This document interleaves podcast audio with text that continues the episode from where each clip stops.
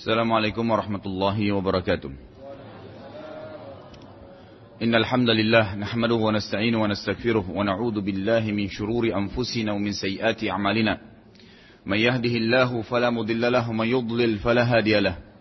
وأشهد أن لا إله إلا الله وحده لا شريك له وأشهد أن محمدا عبده ورسوله. قال الله تعالى يا أيها الذين آمنوا اتقوا الله حق تقاته ولا تموتن إلا وأنتم مسلمون. وقال عز من قال أيها الناس اتقوا ربكم الذي خلقكم من نفس واحدة وخلق منها زوجها وبث منهما رجالا كثيرا ونساء واتقوا الله الذي تساءلون به والأرحام إن الله كان عليكم رقيبا. وقال عز وجل يا الذين آمنوا اتقوا الله وقولوا قولا سديدا يصلح لكم أعمالكم ويكفر لكم ذنوبكم ومن يطع الله ورسوله فقد فاز فوزا عظيما.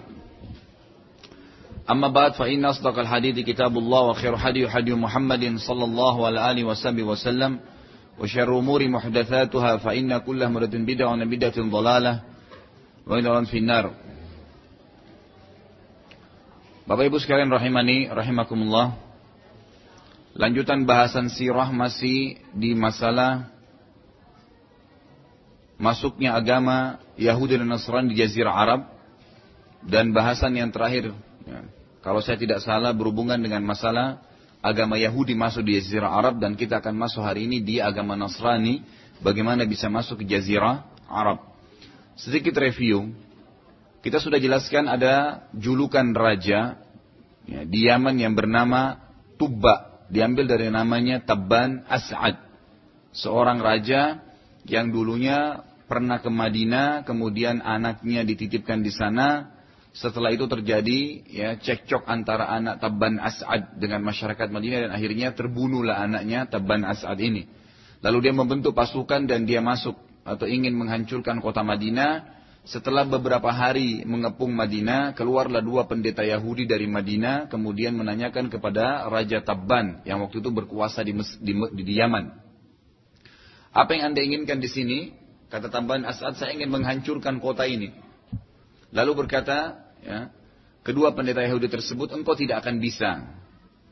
Maka Raja Tabban bertanya, waktu itu memang dia tidak ada agamanya, ateis, penyembah api malah, ya, di Yaman. Maka kedua pendeta tersebut mengatakan, karena ini adalah mahjarun Nabi, ini tempat hijrahnya Nabi nanti. Dan nanti di sini dia akan ya memenangkan agama Allah. Maka Tabban As'ad pun bertanya, apa itu Nabi? Siapa itu Tuhan sampai akhirnya dia mengimani ya Allah Azza wa Jal dan masuk menganut agama Yahudi. Dan karena itu dia tidak jadi memerangi kota Madinah serta memaafkan masyarakatnya. Setelah itu ringkas cerita dia ke Mekah, ingin pulang ke Yaman melewati Mekah, kemudian ada satu suku Arab di sana namanya Huzail. Suku Huzail ini suku yang tidak senang dengan masyarakat Yaman dan tidak senang juga dengan masyarakat Mekah. Maka dia ingin mengadu domba keduanya. Dia mengatakan kepada Tabban As'ad, apakah engkau mau, ya, apakah engkau mau uh, ke uh, harta yang tertimbun ya, dan tidak butuh kekuatan untuk mengambilnya? Maka Tabban As'ad mengatakan, iya, tentu saya mau. Maka suku Huzail mengatakan, ya di sana, di kota ini, maksudnya di kota Mekah ada sebuah rumah, maksudnya adalah Ka'bah. Yang kalau seandainya engkau membongkarnya, di bawahnya itu banyak sekali harta yang tertimbun. Dan ini disebabkan memang benar, orang-orang Arab dulu karena terlalu menghormati Ka'bah, maka mereka meletakkan atau menanam di bawah Ka'bah emas-emas dan banyak sekali perhiasan mereka. Gitu. Maka Taban As'ad pun akhirnya tamak dan membentuk pasukan ingin menyerang kota Mekah. Setelah itu, waktu melihat pasukan sudah siap semua, dua pendeta Yahudi bertanya, mau ke mana anda hai Taban? Taban As'ad mengatakan, saya ingin masuk ke kota ini dan mengambil harta yang tertimbun di rumahnya. Katanya ada rumah di sana. Dia belum tahu kalau Ka'bah itu adalah rumah Allah. Maka dua pendeta Yahudi mengatakan, Demi Allah wahai Tabban, sesungguhnya suku Huzail ingin menghancurkanmu dengan isu itu. Kami tidak pernah tahu ada rumah Allah di muka bumi kecuali ini. Jadi tidak mungkin. Allah pasti akan menghancurkanmu. Ya. Maka ditanya oleh Tabban, lalu apa yang kalian sarankan kepada saya? Kata dua pendeta tersebut, tawaflah di rumah itu dan hormatilah. Maka Taban Asad berkata, lalu kalian bagaimana? Kalian kan pendeta. Kata mereka, kami adalah pendeta-pendeta yang tidak layak untuk tawaf di situ sementara banyak patung. Karena di sekitar Ka'bah sudah banyak patung dari kisah yang sebelumnya sudah kita sampaikan dari hari-hari Amru bin Luhai, orang yang pertama memasukkan patung Jazirah Arab. Ini jauh setelah kisah itu. Lalu akhirnya Sabban Asad pun melakukan dia tawaf, kemudian dia tidur di dekat haram atau di dekat Ka'bah, lalu dia mimpi dia meletakkan di atas Ka'bah kain yang dikenal dengan kiswah. Dan Tabban Asad adalah orang pertama yang meletakkan kiswah di Ka'bah. Lalu setelah beberapa hari dia meletakkan kain yang lebih bagus lagi sampai akhirnya kiswah itu terus berjalan dan diletakkan di Ka'bah sampai hari kita sekarang. Karena Nabi SAW tidak memungkirinya, tidak memungkirinya maka para sahabat dan sampai hari ini ulama pun menjalankan apa yang telah dilakukan oleh Tabban As'ad jauh sebelum ya Nabi SAW lahir. Lalu Taban Asad balik ke Yaman membawa dua pendeta tersebut untuk mengajak agar masyarakat Yaman semuanya menganut agama Yahudi tapi mereka menolak. Yang pada saat itu memang mereka penyembah api. Di Yaman ada sebuah tempat yang sangat besar, itu apinya selama 24 jam menyala terus karena mereka selalu memasukkan kayu-kayu bakar dan tempatnya sangat besar ditutup dengan pintu besi. Setiap kali mereka punya masalah, mereka berhukum kepada api itu dengan cara pintu besinya dibuka. Pada saat dibuka, maka api akan keluar. Siapa yang pertama terbakar dengan api tersebut berarti dia yang zalim, dia yang salah. Dan ini kejahilan. Ini kejahilan di zaman itu. Maka setelah Taban As'ad mendakwakan agama Yahudi kepada masyarakat Yaman, ternyata mereka menolak, mereka tetap ingin menyembah api, sampai terjadi kesepakatan bagaimana kalau seandainya kedua pendeta Yahudi itu kita ya ajukan ya di depan rumah api dan mengajukan juga di sisinya atau di sebelah mereka itu pemimpin-pemimpin penyembah api. Siapa yang dilalap oleh api pertama berarti dia yang salah. Ya, yang tidak dilalap oleh api berarti dia yang benar agamanya. Itu yang diikutin. Maka ditanya, Tabanasa tanya kedua pendeta Yahudi tersebut, mereka mengatakan lakukan saja. Allah pasti akan memenangkan agamanya. Lalu berdirilah dua pendeta Yahudi tersebut di depan pintu rumah api. Berdiri juga pemimpin-pemimpin penyembah api di sebelah kiri mereka. Pada saat dibuka pintu ternyata api langsung menyerang kedua atau orang pemimpin penyembah api itu. Sempat mereka lari di awalnya, dalam sejarah dikatakan, lalu masyarakat mereka marah, dipaksa untuk kembali pada saat dibuka yang kedua kalinya, akhirnya api menghanguskan kedua pimpinan penyembah api tersebut. Maka semenjak hari itu seluruh Yaman masuk ke agama Yahudi. Seluruh Yaman masuk ke agama Yahudi. Ini terakhir bahasan kita. Bahwasanya agama Yahudi masuk ke Jazirah Arab karena ada alasan. Karena ada alasan yang jelas. Tepatnya, ya, tepatnya tadi karena masalah kisah Tabban As'ad dengan kedua pendeta yang ada di Madinah. Dan sudah saya jelaskan kenapa orang-orang Yahudi ada di Madinah. Karena mereka menemukan dalam Taurat, Madinah itu kota yang akan dihijrai oleh Nabi yang terakhir. Oleh Nabi yang terakhir. Sementara pada saat Nabi SAW keluar di situ atau hijrah, mereka tidak mau beriman. Alasannya hanya karena fanatisme. Mereka mengatakan, kami berharap nabi terakhir yang keluar dari Bani Israel, dari turunan Ishak atau Yakub. Ya, ternyata yang keluar terakhir dari turunan Ismail, yaitu Nabi kita Muhammad sallallahu alaihi wasallam. Dan di sini dari dikatakan orang Arab dan orang Yahudi satu rumpun, ya karena mereka kembali ke Nabi Ibrahim alaihissalam. Baik, kita sekarang perlahan akan pindah bagaimana agama Nasrani ada di Jazirah Arab.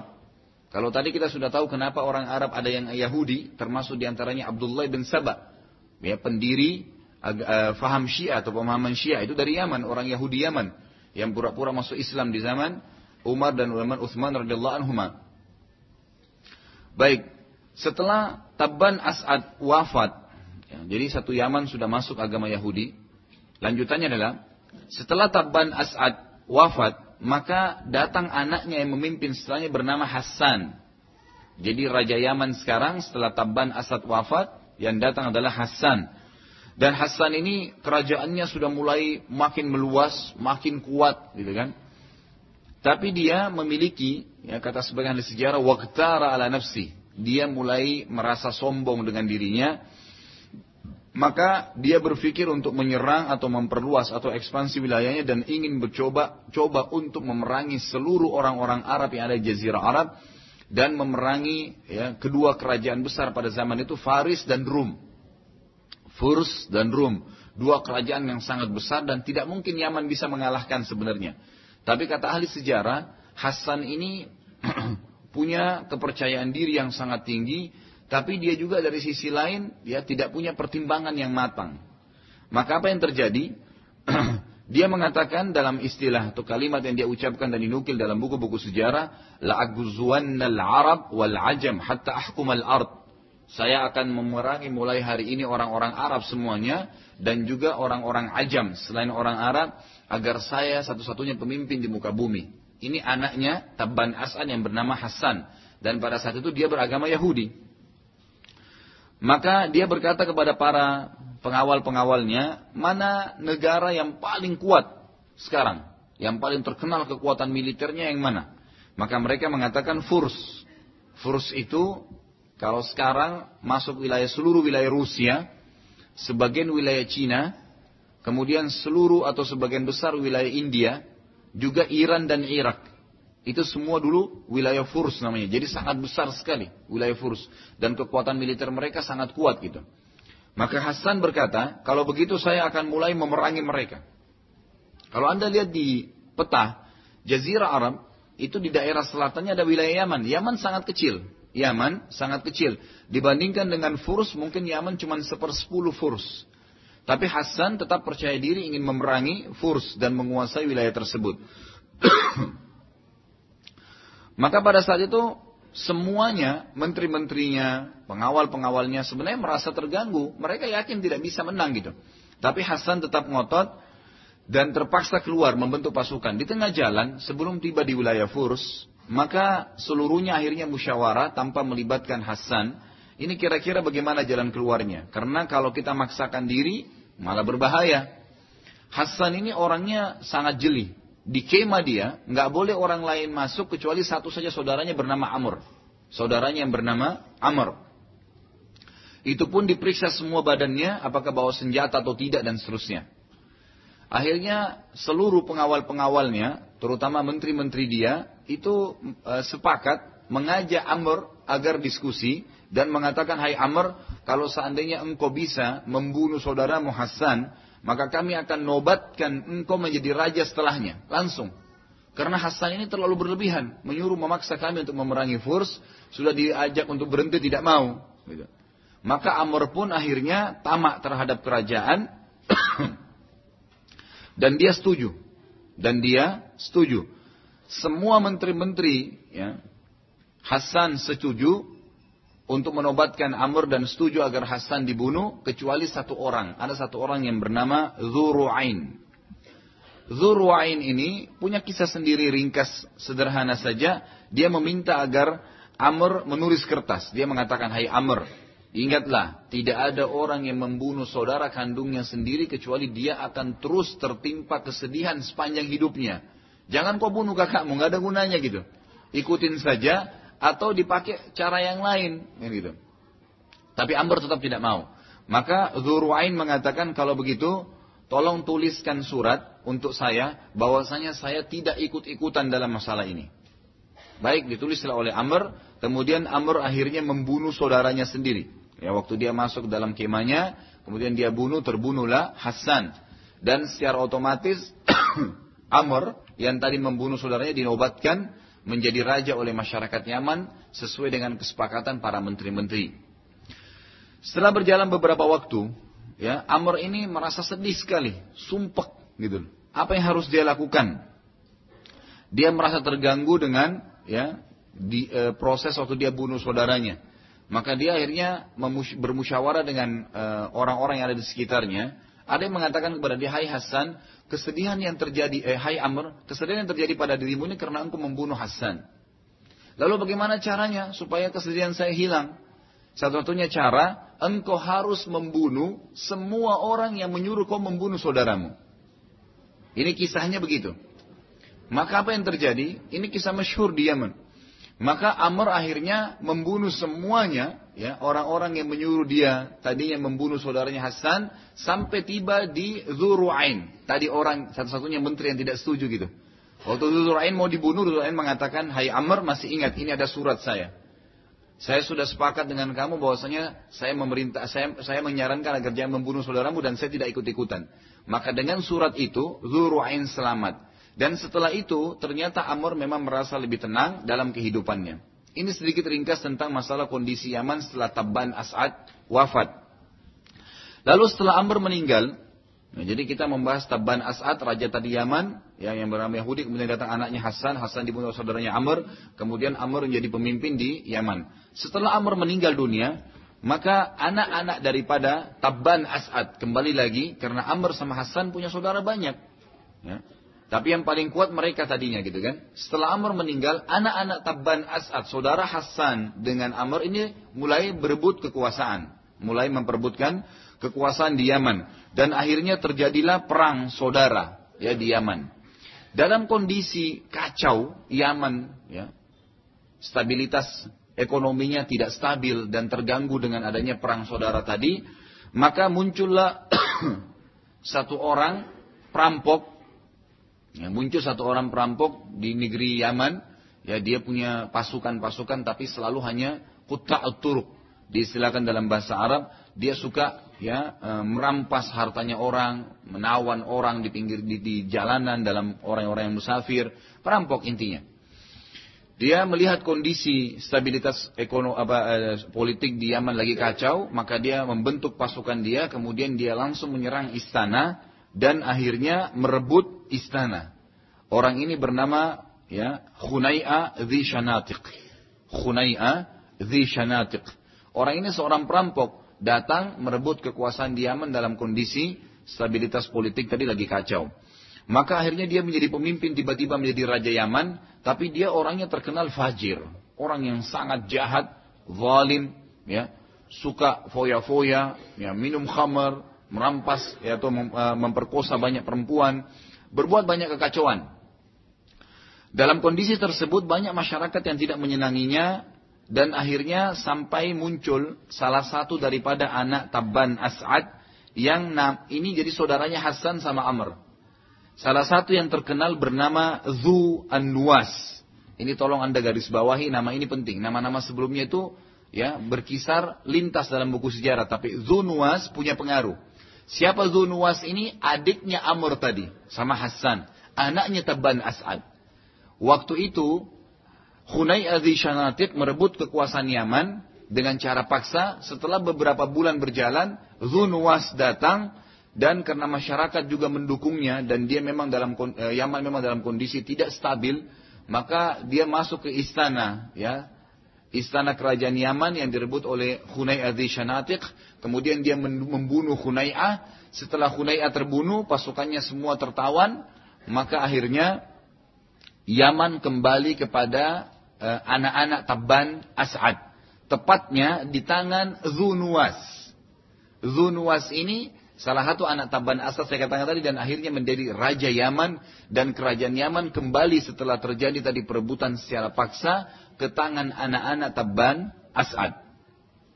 Baik, ini sekarang kisah keadaan Yaman dan agama Yahudi di Yaman. Kita akan masuk bagaimana agama Nasrani masuk Jazirah Arab dan bagaimana nanti ada hubungannya antara ya masuknya Nasrani dengan Yahudi dan adanya bentrok di antara mereka di Jazirah Arab.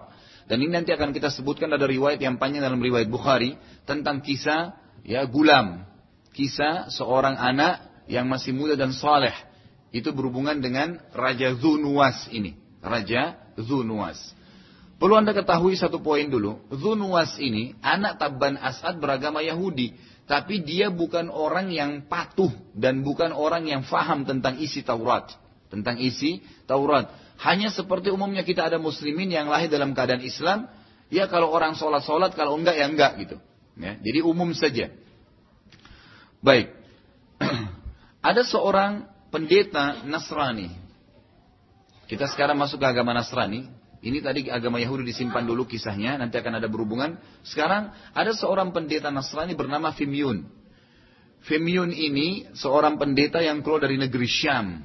Waktu itu negeri Syam, kalau sekarang Libanon, Syria, Palestina, dan Yordania. Itu ke atas, ke Turki, sampai ke wilayah Eropa, terkenal dengan kekuatan atau kerajaan Romawiya. yang beragama Nasrani, yang beragama Nasrani. Ada satu pendeta yang keluar dari sana, niatnya mau berdakwah, mendakwakan agama Nasrani. Walaupun sebenarnya mereka tidak punya kewajiban mendakwai agama Nasrani gitu kan. Dia keluar menuju ke arah Afrika. Kalau Anda lihat jazirah Arab, ya, kotak gambarnya itu adanya di Asia. Negeri Syam juga masuk dalam wilayah Asia. Asia. Atas sedikit Turki, Turki setengahnya masuk Asia setengahnya Eropa, kan gitu. Di bawah ya, di sebelah baratnya itu ada Afrika. Jazirah Afrika ini atau kepulauan Afrika ini sangat besar. Ya, benua Afrika sangat besar. Mungkin Afrika itu bisa uh, sebesar dengan Asia, kurang lebih gambarannya. Waktu itu Femyun datang dari Asia, dari Syam menuju ke Afrika. Di Afrika, waktu dia lagi dalam perjalanan, ya ada perampok yang datang kemudian menyerang kafilah mereka sampai akhirnya Fimyun ini menjadi tawanan, menjadi tawanan, ya. Tawanan direbut dan diperjualbelikan di pasar, akhirnya dia menjadi budak. Dia menjadi salah satu budak yang diperjualbelikan. Disebutkan dalam sejarahnya orangnya sangat suka sholat malam, ibadah malam, ya. Waktu itu orangnya sangat alim dan tentu pada saat itu yang benar adalah agama Nasrani, gitu kan. Karena memang mereka beriman kepada Nabi Isa yang belum ada Nabi setelahnya. Kan gitu. Belum datang Nabi Muhammad Sallallahu Alaihi Wasallam. Maka satu hari pernah tuannya datang dan masuk ke kamarnya. Fimun ini terkenal karena ahli ibadah. Dia punya karamat. Ada hal-hal yang Allah berikan kelebihan kepadanya gitu.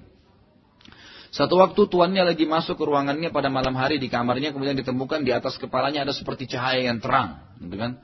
Lalu tuannya bertanya, agama apa yang kau anut ini hai Femiun? Femiun mengatakan, saya agama Nasrani, diceritakanlah apa itu Nasrani. Seperti ini, seperti ini diceritakan Allah itu apa, kemudian Isa itu siapa dan seterusnya. Tapi tuannya ini ragu. Ya. Kemudian berkatalah berkatalah si Femiun tadi, begini aja. Kan waktu itu kebetulan di wilayah Afrika, ya, tepatnya ada wilayah namanya Najran. Najran itu udah masuk sebagian besar wilayah beberapa negara sekarang di Afrika ya. Di situ dulu orang menyembah pohon. Orang menyembah pohon. Ada pohon besar disembah. Maka Femiun berkata, bagaimana tuanku untuk meyakinkan anda bahwasanya Tuhan saya benar. Allah itu benar, ada yang menciptakan langit dan bumi. Tuannya bilang, saya nggak tahu. Baik, mana Tuhan anda? Tuannya bilang, itu pohon yang besar tuh. Semuanya orang tiap hari menyembah ke situ. Lalu kata Fimion, bagaimana kalau seandainya Tuhan saya, Allah menghancurkan Tuhan Anda? Apakah Anda akan beriman dengan Tuhan saya? Kata tuannya, tentu saja. Kalau Tuhanmu mengalahkan Tuhan saya, saya akan beriman kepada Tuhanmu. Gitu kan? Ini tentu gejolak pikiran pada saat itu ya. Kita sedang masuk ke alam mereka supaya bisa mengikuti kisahnya saja gitu. Lalu akhirnya Femion mengatakan kalau gitu coba kumpulkan semuanya orang. Seluruh masyarakat Najran ini sebagian besar wilayah Afrika kumpulkan. Lalu berkumpul di pohon tersebut. Saya akan minta kepada Tuhan saya Allah menghancurkan Tuhan kalian. Maka tuannya pun mengumpulkan seluruh masyarakat waktu itu kumpul Kemudian Fimyun terus berdoa kepada Allah Azza wa Jalla waktu itu, berdoa-berdoa agar Allah ya membuktikan kebenarannya sampai Allah menurunkan dari langit sa'iqah, petir yang akhirnya menghantam pohon besar tersebut dan disebutkan dalam beberapa buku sejarah pohon itu sangat besar, ya sangat besar sekali, diameternya sangat besar sehingga memang e, orang-orang yang mendekatinya menganggap sangat agung gitu. Allah menurunkan peti dari langit kemudian menghancurkan pohon tersebut sampai hangus. Ya. Pohon itu dihantam dengan petir, terbakar sampai hangus dan tidak ada lagi pohon tersebut.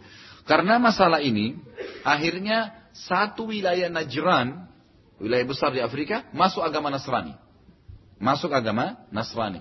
Baik, ini wilayah Afrika dulu. Tadi yang kita katakan, bagaimana agama Nasrani masuk ke Jazirah Arab. Masuk ke Jazirah Arab. Berkembanglah agama Nasrani di wilayah Najran. Yang tadinya mereka menyembah pohon. Ada beberapa orang yang sudah faham agama Nasrani di daerah Najran ini keluar lagi. Ingin berdakwah. Mereka masuk ke wilayah Jazirah Arab. Tepatnya mereka masuk ke wilayah Yaman. Jadi kalau kita lihat Afrika, itu cuma dibatasi, jadi di pinggirannya itu ada Mesir, ya. Kemudian turun, ada Ethiopia, ada Eritrea dan seterusnya. Nah ini dulu wilayah Najran, wilayah Najran. Jazirah Arab eh, Afrika ini kalau kita lihat batas dia dengan Jazirah Arab cuma Laut Merah, tempat Firaun ditenggelamkan oleh Allah Azza wa Jal, gitu kan? Ini menyeberang saja Laut Merah, mereka sudah sampai ke Yaman gitu. Ada pendeta Nasrani setelah berkembangnya agama Nasrani di Najran yang bernama Abdullah bin Samir. Abdullah bin Samir ini sudah menggunakan nama-nama Arab ya dia menyeberang ke negeri Yaman untuk menyebarkan agama Nasrani. Waktu itu Yaman rajanya adalah Zunuwas. Tadi yang kita bahas, ya, Zunuwas. Zunuwas ini beragama Yahudi, ya, beragama Yahudi. Abdullah bin Samir ini coba berdakwah di sana, ya, gitu, mendakwakan agama Nasrani tapi ditolak. Dan Raja Zunuwas akhirnya menyerang dia, ya. Sampai akhirnya Abdullah Ibn Samir ini sembunyi dalam sebuah gua. Baik. Raja Zunuwas, Raja Yaman tadi yang beragama Yahudi ini, saya katakan dia tidak terlalu dekat dengan agamanya. Dan dia lebih percaya dengan penyihir dan pendukun. Dia lebih percaya dengan penyihir dan dukun. Ada seorang penyihirnya, sangat kuat di Yaman, dan itu yang membuat Raja Zunuwas disegani. Dan masyarakat umumnya Yaman, walaupun beragama Yahudi, mereka lagi tidak menjalankan Taurat, tapi mereka lebih banyak percaya juga dengan dukun dan peramal, terutama penyihirnya si Raja Zunuwas ini. Zunuwas kalau sudah mulai ada masyarakatnya yang mau memberontak, maka langsung penyihir yang turun tangan gitu. Satu hari, penyihir ini sudah tua. Dan dia bilang sama Raja Zunuwas, coba buat sayembara, agar ada anak-anak muda di Yaman yang cerdas, yang pintar, yang saya didik nanti, saya ajarin ilmu sihir, yang kalau saya mati bisa jadi pengganti saya dan bisa menjadi penyihir buat Anda. Raja Dunwas setuju. Baik kalau gitu. Dikumpulkanlah sayembara anak-anak muda berkumpul semua. Pada saat kumpul semua anak-anak muda tersebut, ada satu anak muda yang terkenal dengan kepintarannya, itu lolos dalam tes dan akhirnya mulai belajar sihir dengan penyihirnya Raja Dunwas. Sementara dia belajar, antara rumah dia dengan penyihirnya Dunwas itu jauh, gunung. Dari rumahnya ke gunung itu dia tiap hari lewat. Nah setiap kali dia lewat ke gunung itu, dia melewati guahnya, gua di mana pendeta Nasrani Abdullah bin Samir ada. Maka setiap kali lewat, dia mampir, dia dengar ada orang ngomong terus ketemu kenalan sama Abdullah bin Sabir, mulai juga dia belajar kisah Injil atau isi Injil. Maka anak muda ini mempelajari Injil dan juga belajar sihir. Gitu. Terus begitu berjalan sampai akhirnya ilmunya tentang Injil sangat tinggi dan ilmunya dengan sihir juga sangat tinggi. Gitu kan? Anak muda ini. Maka dia bingung, yang mana dia harus ikutin gitu. Dalam riwayat Bukhari dikatakan kisah masyhur panjang, mungkin hadisnya tiga lembar. Ya. Kisah masyhur tentang kisah gulam, anak yang soleh ini. Apa yang terjadi? Satu waktu dia pulang dari gunung tempatnya penyihir ini, kemudian dia lewat di tempatnya Abdullah Samir setelah pamit dia pulang. Waktu dia pulang ke daerah perkampungan ya eh, atau kota yang adanya Raja Dunuwas tadi, di tengah jalan ada seekor dabah. Dabah itu hewan yang besar. Ya. Sebagian asar mengatakan gajah, mungkin badak, pokoknya hewan yang besar. Dan hewan itu ngamuk, mengganggu jalannya orang. Zaman dulu nggak kita sekarang banyak jalan, orang dulu lereng-lereng saja jalannya gitu kan, jalan-jalan kecil. Maka anak kecil ini mengambil batu kecil mengatakan, hari ini saya akan buktikan ilmunya penyihir yang benar atau ilmunya atau beriman kepada Allah ilmunya Abdullah bin Samir ini. Maka dia ambil batu dia mengatakan, dengan namamu ya Allah, aku melempar ini. Kalau benar, maka tentu matikanlah hewan ini. Batu kecil, dilemparlah mengatakan Bismillah ke hewan tersebut dengan batu sangat kecil, gajah atau hewan besar tadi jatuh dan mati. Masyarakat yang ada di sekitar situ, Fah taunya anak muda ini adalah muridnya penyihirnya Raja Zunwas. Maka mereka mengatakan, sungguh ilmu sihirnya anak ini sudah sangat luar biasa. Maka anak kecil itu, anak muda itu mengatakan, bukan. Saya malah telah kufur dengan apa yang diajarkan oleh penyihir. Dan saya beriman kepada Tuhan Allah, Tuhan alam semesta. Yang telah memati, mematikan hewan tadi adalah Allah. Saya menyebutkan nama Bismillah, maka matilah. Mulai hari itu, anak muda tadi berubah menjadi tadinya setengah-setengah, menjadi murni, menjadi dai di jalan Allah Subhanahu wa taala. Dalam riwayat Bukhari diceritakan bagaimana dia terus berdakwah di masyarakat Yaman waktu itu dan cukup banyak orang yang akhirnya beriman dengan agama Nasrani dari di tangan anak muda ini sampai didengar oleh Raja Zunwas. Raja Zunwas ini marah, kemudian dipanggillah penyihir tersebut, di, mereka kumpul di istana, lalu datanglah anak muda yang ditanya, "Hai anak muda, kamu kan saya utus untuk belajar dengan penyihir ini. Kenapa kok tiba-tiba sekarang kau membawa ajaran baru?" Anak muda itu mengatakan, "Saya sudah membuktikan kebenarannya." Saya sudah membuktikan kebenarannya. Jadi sebenarnya kalian ini adalah penyihir. Orang ini penyihir. Lalu penyihir itu cuma menakut-nakutin dia waktu itu. Menunjukkan dirinya menjadi ular yang besar dan seterusnya. Tapi tidak berhasil menakut-nakuti anak muda ini. Dan akhirnya ilmunya penyihir itu tidak bisa mempan. Lalu Raja Dunwas mengatakan, coba kita akan hukum anak muda ini. Anak muda itu pulang. Diizinkan pulang waktu itu, pada hari itu. Kemudian ada satu menterinya, menterinya Raja Dunwas ini buta matanya. Anak muda ini rupanya Allah berikan karamah, kelebihan. Apa kelebihannya? Dia bisa menyembuhkan orang sakit. Dia bisa menyembuhkan orang sakit. Maka menteri ini datang mengatakan, Hai anak muda, saya dengar engkau bisa menyembuhkan orang sakit. Mata saya buta sudah lama gitu. Kata anak muda itu bukan saya menyembuhkan, tapi Allah. Kalau anda yakin kepada Allah, saya akan berdoa, Allah akan sembuhkan matanya. Dia bilang, baiklah, saya yakin, saya beriman. Lalu berdoalah anak muda tersebut sampai akhirnya matanya menteri Zunwas sembuh. Waktu sembuh, dia beriman. Dan dia langsung ke istana Zunwas menceritakan, anak muda itu begini, begini, begini, dan betul saya setelah beriman, mata saya sembuh. Malah menteri itu dibunuh oleh Zunwas. Menteri tadi yang beriman, dibunuh oleh Zunwas. Lalu keesokan harinya, Zunwas memanggil anak muda tersebut, dia datang ke istana, Lalu didatangkan ya beberapa pasukannya dikatakan bawa anak muda ini ya ke tengah lautan. Kemudian ikat dia di batang pohon dan tenggelamkan di tengah lautan. Jangan kalian tinggalkan kecuali dia sudah ditenggelamkan. Dibawalah muda tersebut, tidak tiba di tengah lautan, lalu anak muda ini mendakwai mereka, pengawal-pengawal raja. Berimanlah kalian kepada Allah. Allah mampu membalikkan semua kejadian ini menjadi kejadian yang tidak bisa kalian bayangkan gitu. Ah kami tidak mau yakin. Kami tetap yakin kepada Raja Dunwas dan seterusnya. Maka apa yang terjadi? Ah, anak muda ini berdoa dalam riwayat Bukhari dikatakan Allah makfini masyid. Ya Allah, saya menyerahkan urusan mereka kepadamu. Maka tiba-tiba saja Allah mendatangkan ombak yang besar, kemudian menghantam kapal tersebut, semuanya tenggelam kecuali anak muda ini. Lalu anak muda ini kembali lagi. Dia sampai di pinggiran lautan, kemudian dia kembali ke istana Raja Dunwas.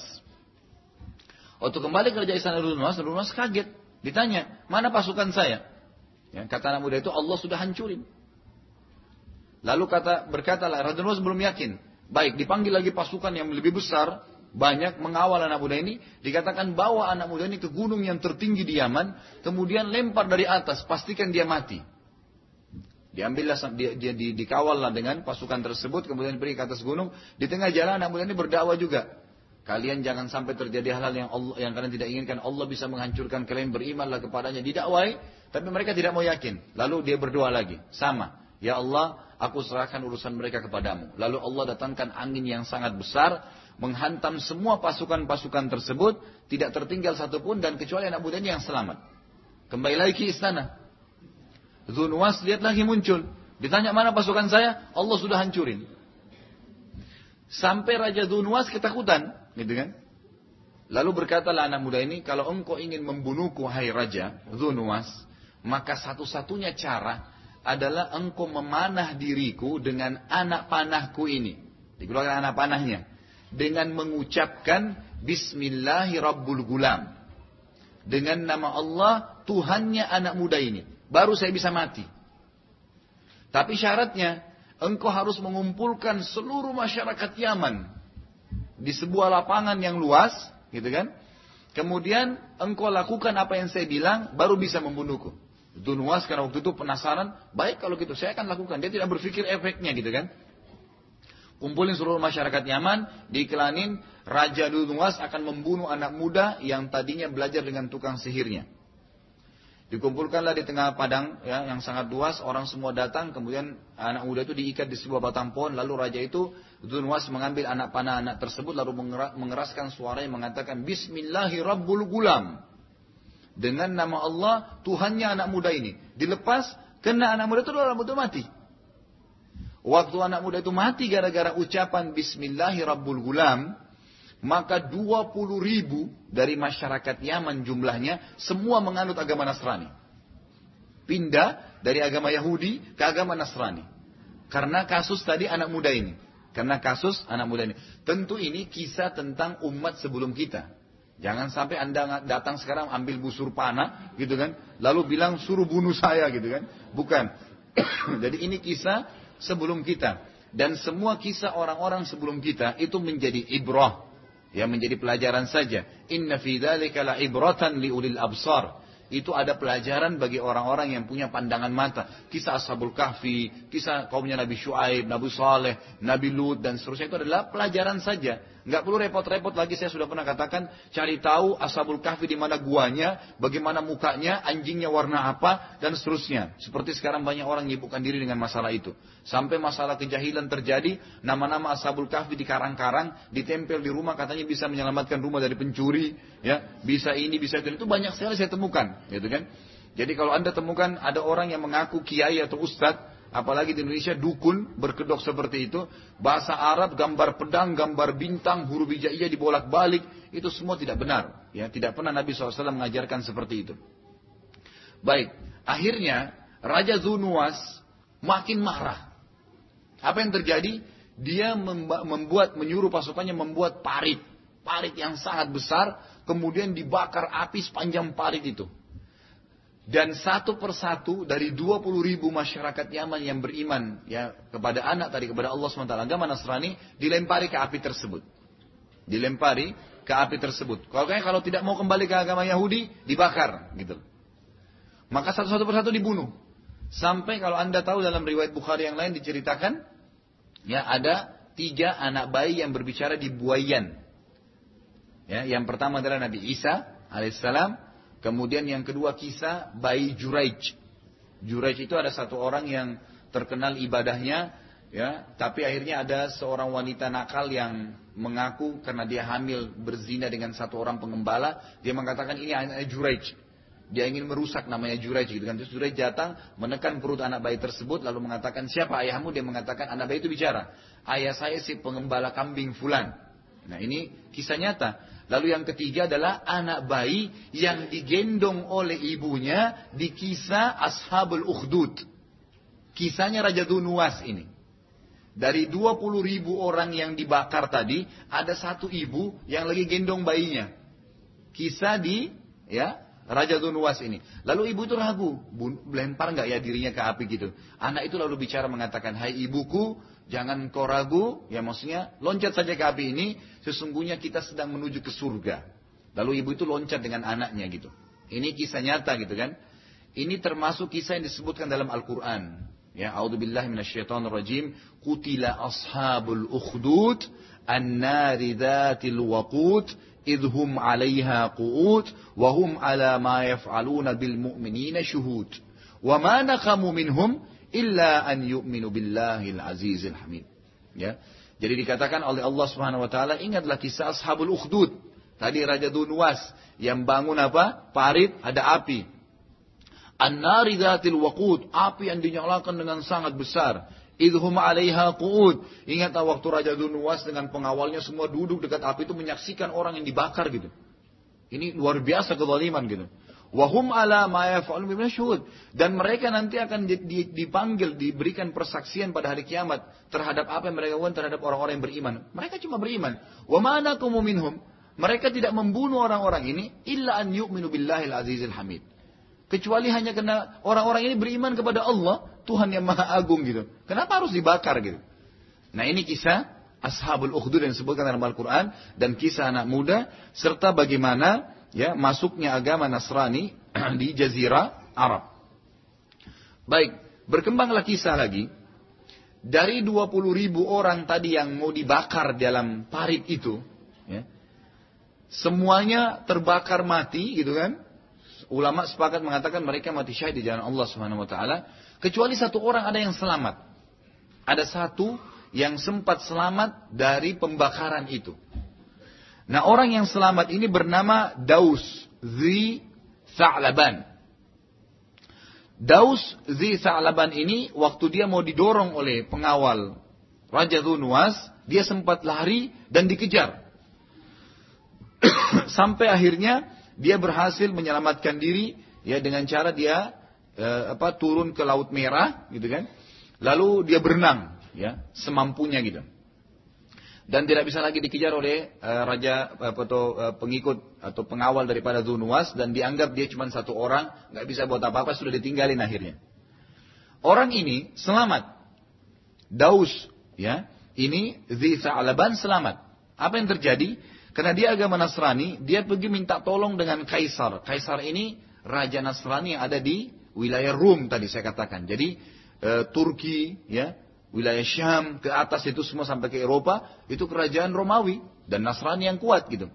Dia datang ke sana dia sampaikan kami agama Nasrani begini begini begini dan dibantai dan segalanya oleh Zunwas, Zunwas siapa dia orang Yahudi dan seterusnya. Maka Kaisar marah waktu itu. Lalu Kaisar karena tempatnya terlalu jauh dia wilayah Eropa, maka dia menulis surat ke Najasyi. Najasyi ini Raja Nasrani di Afrika. Raja Nasrani di Afrika, kerajaan besar juga, gitu kan? Nah, Najasyi ini lebih dekat ke Yaman. Maka diutuslah anak ini, orang ini, Daus tadi, menuju ke Najasyi di Ethiopia. Tepatnya Ethiopia itu dekat sekali dengan Yaman, cuma batas dengan e, Laut Merah saja gitu. Waktu sampai berita ke Najasyi, Najasyi pun marah. Kok bisa? Orang Nasrani karena beriman kepada Allah dibantai begitu saja dengan 20 ribu orang mati. Gitu kan? Kecuali satu orang ini yang selamat. Maka Najasyi pun mengutus 70 ribu pasukan. Ya, dari Ethiopia menuju ke Yaman untuk menyerang Yaman. Nah kita sekarang mulai masuk ke bentroknya agama ini gitu kan. Bagaimana peperangan yang terjadi di antara mereka. Masuklah 70 ribu pasukan dari Najasyi ini ke Yaman dan waktu itu ini kalau saya sebutkan namanya Anda mulai tahu nanti karena kebanyakan orang menyebutkan yang mau menghancurkan Ka'bah kisah Ashabul Kahfi siapa? Ashabul Fil. Abraha. Nah, siapa itu Abraha? Ada yang tahu? Banyak orang tidak tahu. Bahkan saya kalau bicara sama sebagian ustadz, beliau banyak nggak tahu gitu. Kan gitu.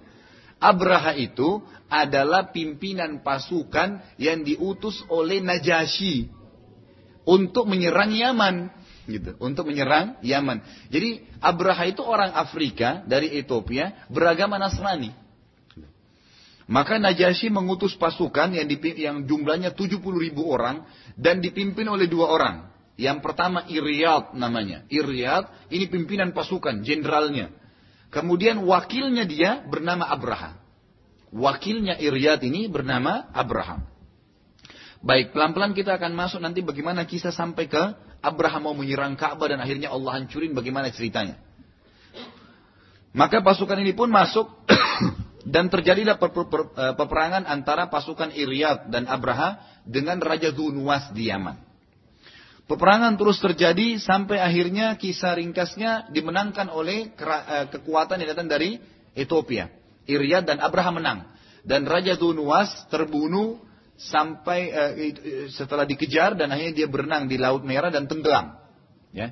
Dengan terbunuhnya Zunuwas, Raja Yaman Yahudi ini, maka seluruh Yaman jatuh di bawah kerajaan atau kekuasaan Najasyi yang beragama Nasrani.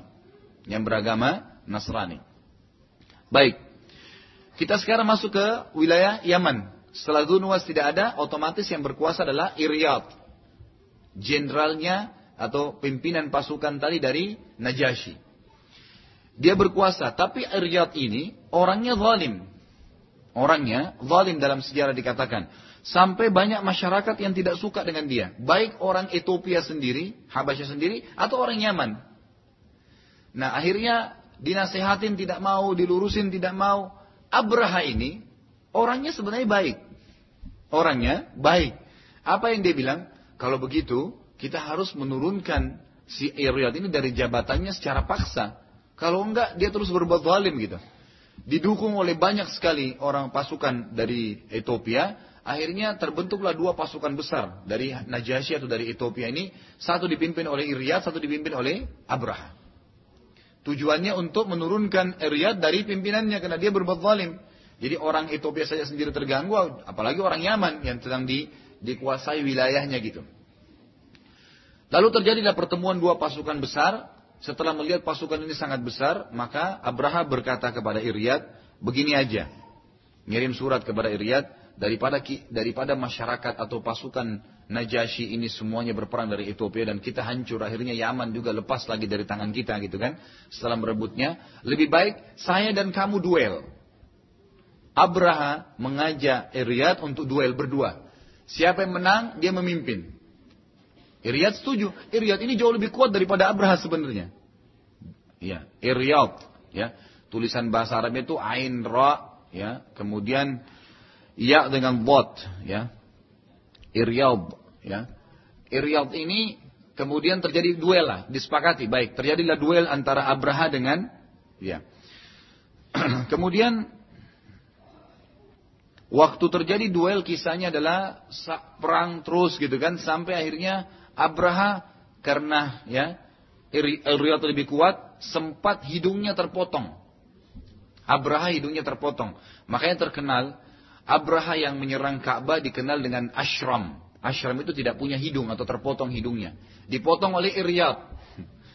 Waktu Iryad memotong hidungnya, Iryad kira sudah menang, gitu kan? Lalu dia lalai, dia sempat teriak-teriak dengan pasukannya, lalu ditusuk oleh Abraha. Akhirnya Iryad mati. Waktu Iryad mati yang memimpin Yaman otomatis Abraha. Ini sudah mulai masuk ke kisahnya Abraha. Abraha sekarang kalau dalam sejarah Yaman dikatakan Raja Yaman. Gitu kan? Tapi dia sebenarnya adalah gubernur atau utusan daripada Najasyi. Baik. Berkembanglah berita ini sampai ke Ethiopia. Sampai ke Najasyi. Najasyi marah. Kok bisa? Pasukan Ethiopia perang dan kok bisa Iryad dibunuh tanpa dia tahu gitu. Terjadi perang siapa yang bunuh? Abraha. Lalu Najasyi marah lalu Najasyi bersumpah ya akan datang menginjakkan telapak kakinya di Yaman dan akan menggundul rambutnya Abraha sebagai bentuk penghinaan. Kenapa dia berani membunuh pimpinan pasukannya gitu? Sampai berita ini ke Abraha. Abraha ketakutan Najasyi, raja yang kuat, nggak mungkin gitu. Sebelum Abraham beranjak dari Ethiopia, dari Habasyah, apa yang terjadi? Abraha mengambil sebuah peti, diisi tanah dari Yaman, kemudian dia gundur rambutnya, ditaruh dalam sebuah kain, ditaruh dalam peti itu dikirim ke Ethiopia.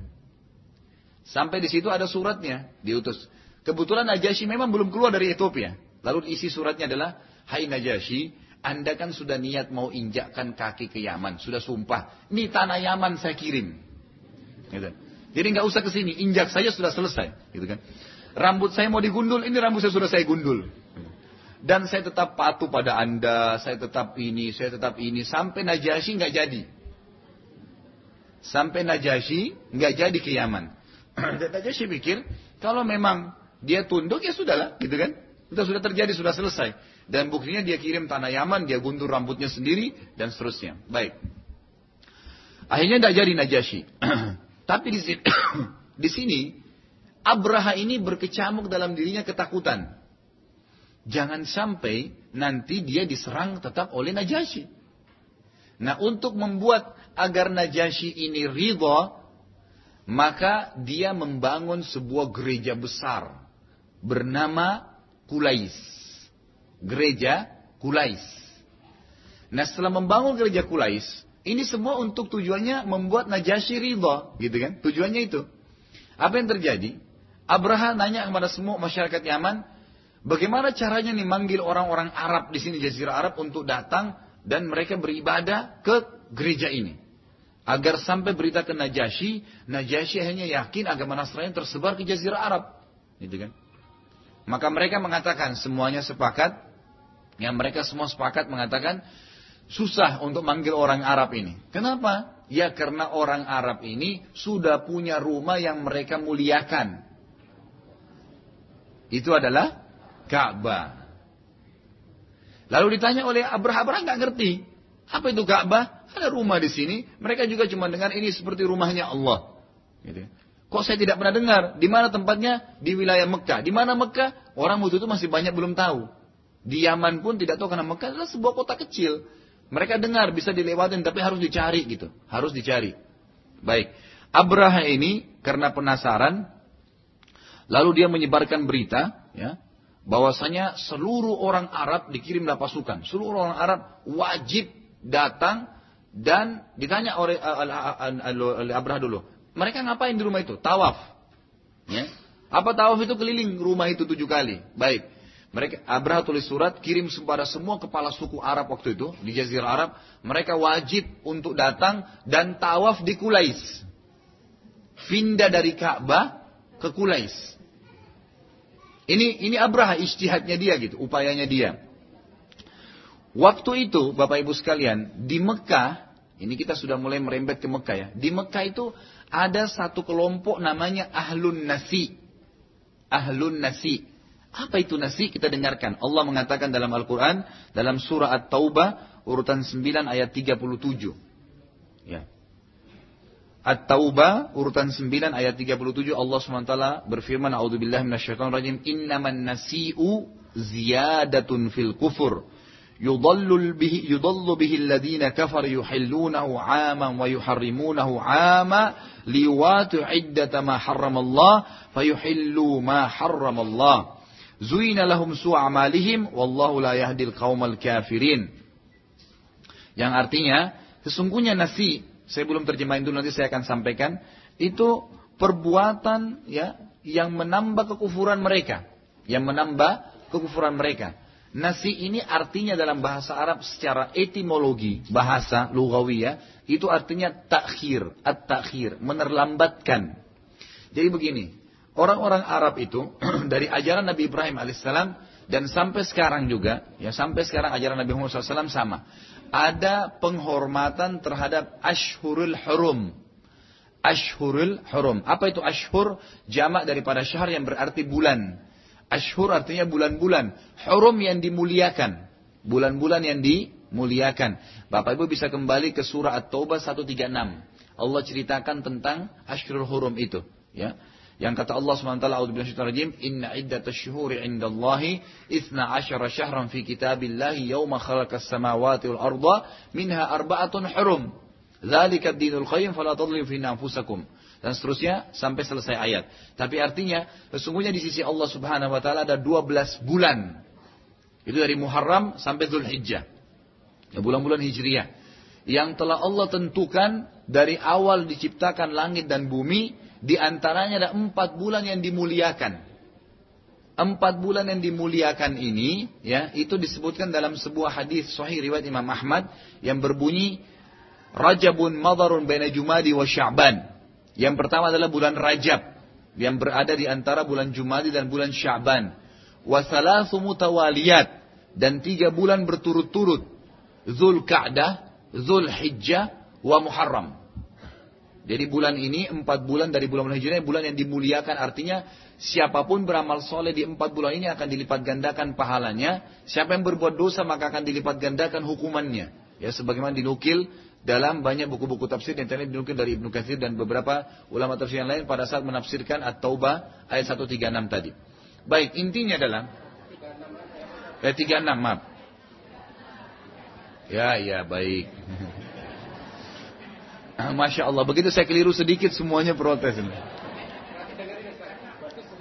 Berarti serius ya? Hmm. Baik. Ya, sudah. Jazakumullah khair. Baik. Ayat 36. Baik. Kita lanjutin dulu ya. Intinya adalah ayat ini sedang membahas tentang bulan-bulan Hijriah dan ada bulan yang dimuliakan. Bulan yang dimuliakan. Empat bulan yang dimuliakan ini itu tradisi bukan tradisi ya, hukum dalam suhuf Ibrahim, dalam buku-buku Nabi Ibrahim alaihissalam itu nggak boleh berperang, ya, nggak boleh berperang. di bulan-bulan itu karena dimuliakan gitu. Nah, orang-orang Arab Quraisy salah satu ajaran Nabi Ibrahim yang masih bertahan itu adalah haji, tapi haji ini juga mereka sudah campur baurkan dengan sembah berhala. Dengan menghormati bulan-bulan haram ini, bulan-bulan yang dimuliakan. Mereka tidak boleh perang. Tetapi orang-orang Arab dulu, ya karena mereka masih fanatik dengan kesukuan, maka mereka hidupnya dari peperangan. Mereka hidupnya dari peperangan. Nah, kalau tiba bulan Muharram misalnya, bulan Muharram termasuk bulan haram, nggak boleh berperang. Tapi mereka butuh, harus perang. Nah, bagaimana caranya untuk menghalalkan? Mereka buat seperti orang-orang Yahudi. Caranya bagaimana? Mereka bentuk orang-orang yang ditokohkan di Mekah, di Quraisy itu, dibentuk orang-orang yang boleh mengambil keputusan mutlak mengubah hukum itu. Itu namanya ahlun nasi. Namanya adalah ahlun nasi. Maksudnya apa? Mereka boleh misalnya pas bulan Muharram mau perang nih.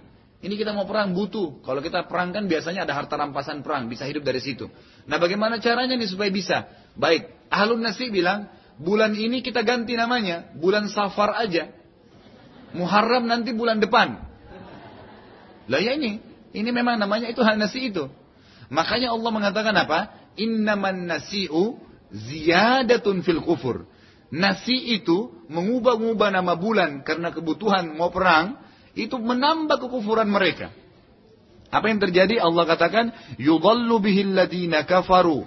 Itu akan tambah menyesatkan orang-orang kafir di Mekah tadi. Yuhillunahu ama mereka menghalalkan bulan-bulan haram itu satu tahun, wa yuharrimunahu ama. Dan mereka mengharamkan kembali lagi tahun depannya.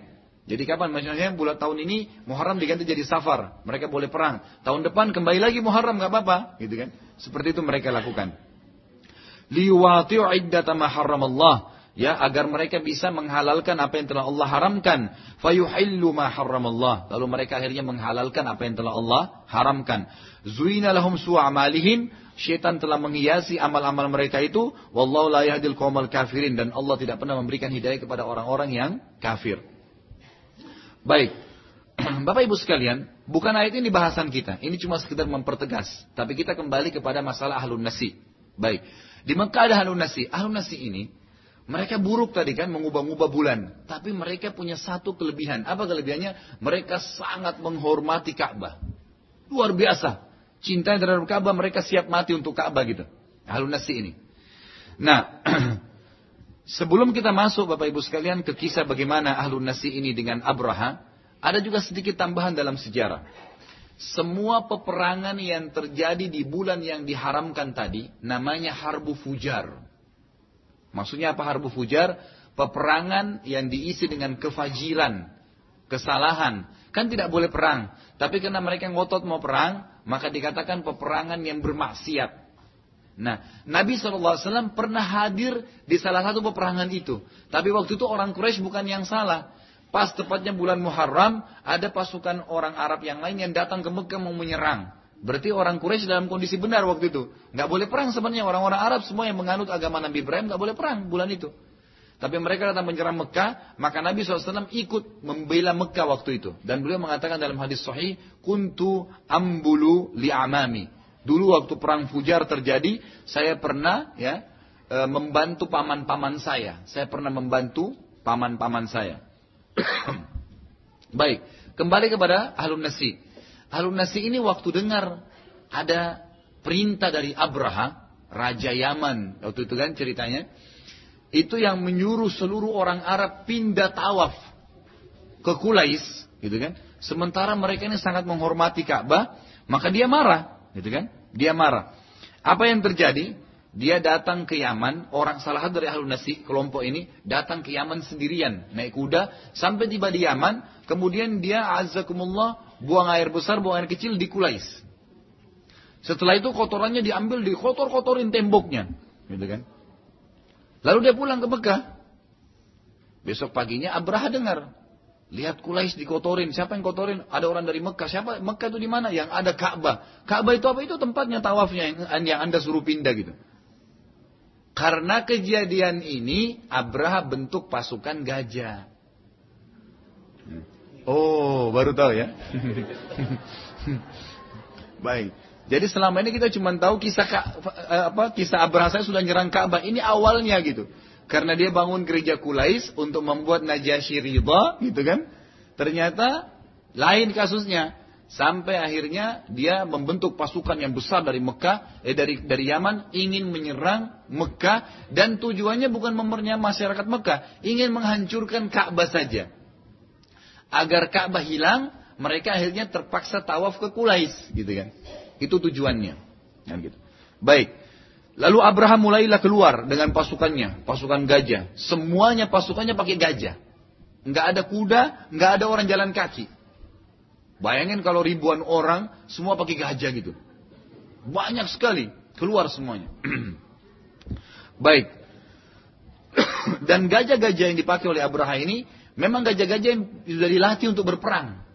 Dia pada saat dipakai masuk medan perang, dia menginjak musuhnya, dia men, dia uh, membunuh dengan apa? Uh, gadingnya dan seterusnya, gitu kan? Dia sudah terlatih gitu. Baik.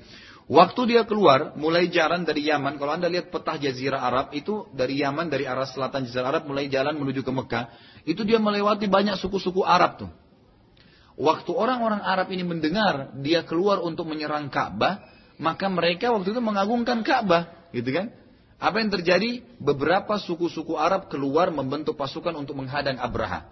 Yang pertama sekali keluar, ada seseorang yang bernama Zunafar. Zunafar ini membentuk pasukan tapi kecil. Ya. Coba menahan pasukan gajah nggak berhasil, dikalahkan oleh Abraha dan Zunafar ditawan. Lalu setelah itu mulai mendekat lagi dengan Mekah, maka ada lagi e, suku sebelah suku Arab namanya Khusum. Khusum ini keluar pimpinannya sendiri bernama Nufail ibn Habib al-Khusumi. Nufail ibn Habib al-Khusumi. Ya. Anda kalau tidak sempat tulis nggak masalah, nanti akan ada tulisan saya. Insya Allah saya akan tulis dan akan dibagikan fotokopinya. Ya. Iya, insya Allah, binillah taala. Karena ini semua e, mungkin tidak semba, tidak semua buku sejarah ada gitu, dikumpulin dari banyak buku-buku. Baik.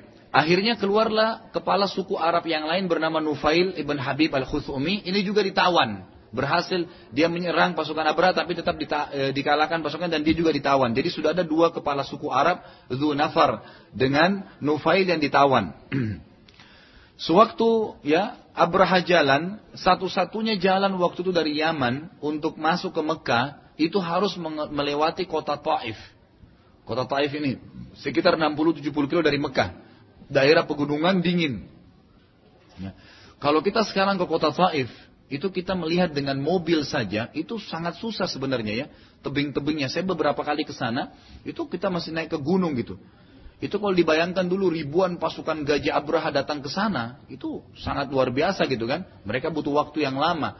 Tapi yang jelas mereka sampai ke Taif. Nah masyarakat Taif ini mereka ketakutan karena sudah dengar Nafar dengan Nufail dikalahkan. Akhirnya mereka bilang tulis surat kepada Abraha kami nggak mau melawan gitu kan kami nggak mau melawan, silakan kalau anda mau ke Mekah. Tapi Abraha waktu itu masih belum tahu di mana Mekah, belum tahu.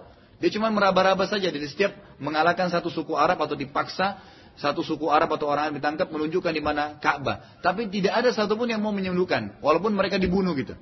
Jadi dia cuma jalan terus sampai sampai ke Taif. Waktu sampai ke Taif, masyarakat yang uh, Taif ini akhirnya mengatakan, kami nggak mau melawan, kami nggak mau ini, tapi sebagai bukti kami betul-betul tulus, kami nggak mau melawan, jangan diperangi kota Taif itu. Maka kami akan coba utus satu orang dari masyarakat kami yang siap menunjukkan kepada anda di mana itu Mekah.